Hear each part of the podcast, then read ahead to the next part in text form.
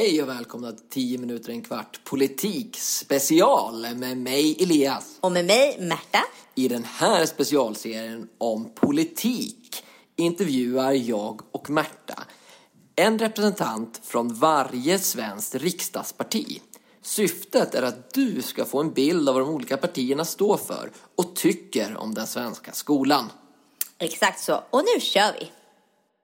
Ja, hej. Jag heter Gunilla Svantorp. Jag är ordförande i riksdagens utbildningsutskott och socialdemokrat. Jag är också då gruppledare för S-gruppen i utbildningsutskottet.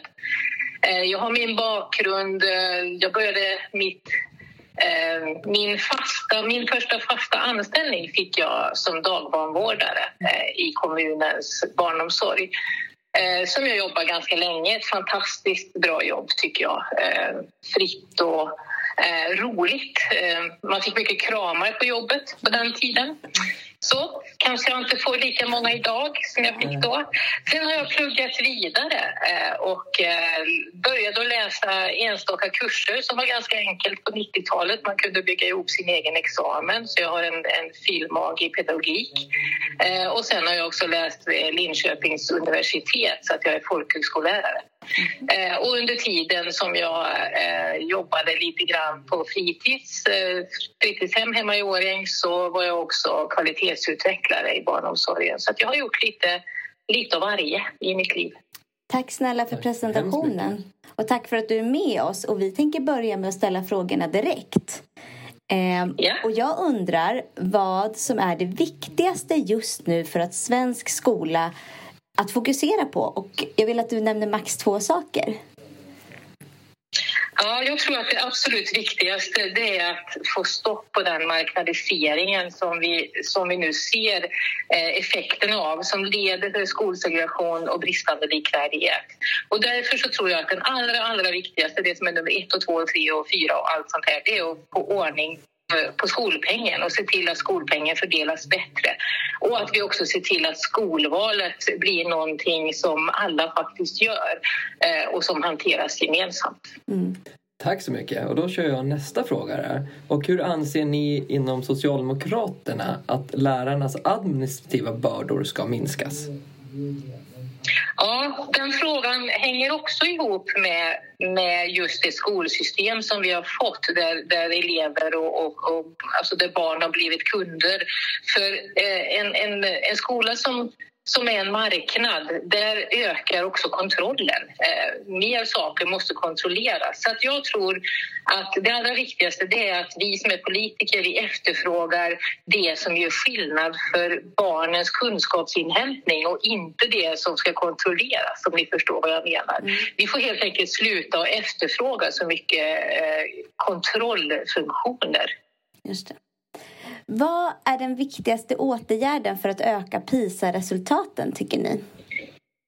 Eller tror ni? Det är absolut, det är absolut att göra verkstad av Åstrandutredningen. Det, det handlar ju, jag, jag, upprepar mig som en papegoja, men det handlar om att se till att skolpengen fördelas bättre och att vi går till botten med de orättvisa kösystem som vi idag har som ökar segregationen. Att vi ser till att de barn som behöver mer stöd faktiskt får det.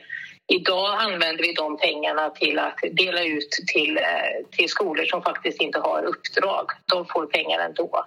Så att, att, att använda pengarna på rätt sätt. Mm. Okej, okay. tack så mycket. Och när anser ni att eleverna ska få sina första betyg? Och det får du gärna motivera lite. Mm. Vi har ju mitt parti, partikongressbeslut på att årskurs 6 är det som vi tycker. Eh, och det har vi för att det, vi tycker att det handlar om att ja, alla barn ska ska kunna nå kunskapsmålen. Eh, det handlar också om att man ska följa upp så att alla lär sig och får rätt stöd i rätt tid. Eh, det är därför vi i första hand har betyg. Men det finns ju också andra verktyg. Jag är fullständigt övertygad om att varenda lärare ute i klassrummen har stenkoll på vart vart barnen ligger till. Tidigare betyg är ju ingenting som per automatik leder till att skolan blir bättre utan eh, att, att skolan blir bättre det handlar ju om bra lärare, det handlar om studiero och att man får det stöd man behöver. Men vi har som sagt var i vårt parti bestämt oss för årskurs 6. Sen vet ni att vi har eh, överenskommelser med andra partier. Men vår, vår inställning är årskurs 6. Mm. Ifall det är så att du blir utbildningsminister imorgon, vad är det då det första som du gör? Nu tycker jag ju att jag har en fantastiskt bra utbildningsminister, Anna Ekström. Mm. Äh, så. och äh, är ganska nöjd med det mesta Anna gör. Jag skulle önska, om jag fick önska någonting, att vi satsade lite mer på de minsta barnen satsade på förskolan eh, lite mer så att vi mm. kan minska barngrupperna och se till att det blir fler vuxna. Eh, och framför allt att att förskolan verkligen blir det där första steget på utbildningskedjan och att alla barn får vara där jättemycket för att vi vet att det är en fantastiskt eh, fin ett fint ställe att vara på, speciellt för de barnen som behöver det allra bäst. Och idag så får de kanske inte riktigt vara där så mycket som de skulle behöva för att mamma eller pappa inte jobbar. Just det. Just det. Mm. Och om, det, om vi nu ska ta en sista fråga här innan vi går på ja och nej-frågorna så är det en önskefråga som har kommit nu från eh, vår Facebookgrupp. Och det är hur ska den stora klyftan mellan friskolekoncernernas miljardvinster och kommunernas besparingskrav hanteras? Det handlar ju återigen om systemet. Vi måste sluta överkompensera framför allt de vinstdrivna friskolekoncernerna för de kostnader som de faktiskt inte har. Eh, och då är det ett nödvändigt första steg att faktiskt göra någonting åt det. Det är ju bara kommunerna som har skolpliktsansvar och då måste ju kommunerna kompenseras för det ansvaret. Eh, så det är ju så att om kommunerna satsar pengar idag för att man ser att man behöver det, då ska friskolorna ha lika mycket eh, för att skolpengen ska vara lika. Så vi måste göra någonting åt skolpengssystemet. Det är inte rättvist idag. Mm. Vi kommer inte åt det om inte vi gör någonting åt skolpengssystemet. Okej. Okay. okay. tack så hemskt mycket för de första sex lite större frågorna. Nu kommer det tre lite kortare snabbfrågor. Och det tänkte vara så att det är jag, Elias, som kommer ställa dem till dig. Så du får hojta till när du är beredd. Ja, jag är beredd. Mm. Då kör vi. Är du för eller emot att förstatliga skolan igen? Ja, vi har ju satt igång en utredning som ska ge oss ett bra underlag kring det. Men jag tror att vi behöver ett ökat statligt inflytande eh, och fortsatt ökat statligt eh, eh, ansvar för skolans finansiering om vi ska nå den där likvärdiga skolan som vi behöver. Vilket var ditt favoritämne i skolan? Var svenska. Jag älskade rättstavning. Det gör jag fortfarande. Ja, kul.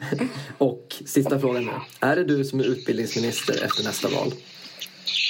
Nej, jag hoppas att det är Anna Ekström som är fortsatt utbildningsminister. Tack snälla. Tack så mycket. Det här var 10 minuter en kvart politik special som är gjord av mig Elias. Och mig Märta. I samarbete med vikarielärare. Till den här podden finns det arbetsmaterial som ni kan använda och den hittar ni på vår hemsida www.vikarielärare.se. Gå in under fliken för lärare. Där hittar ni också podden. Podden kan ni också finna i våra sociala kanaler. Vi finns på Facebook som vikarielärare och gå in och gilla och vi finns på Instagram som vikarielärare. Gå in och följ oss där. Både på Facebook och Instagram finns vi också som Kunskapsbanken eller som Lärarnas kunskapsbank. Följ och bli medlem. Ha det så bra. Hej då!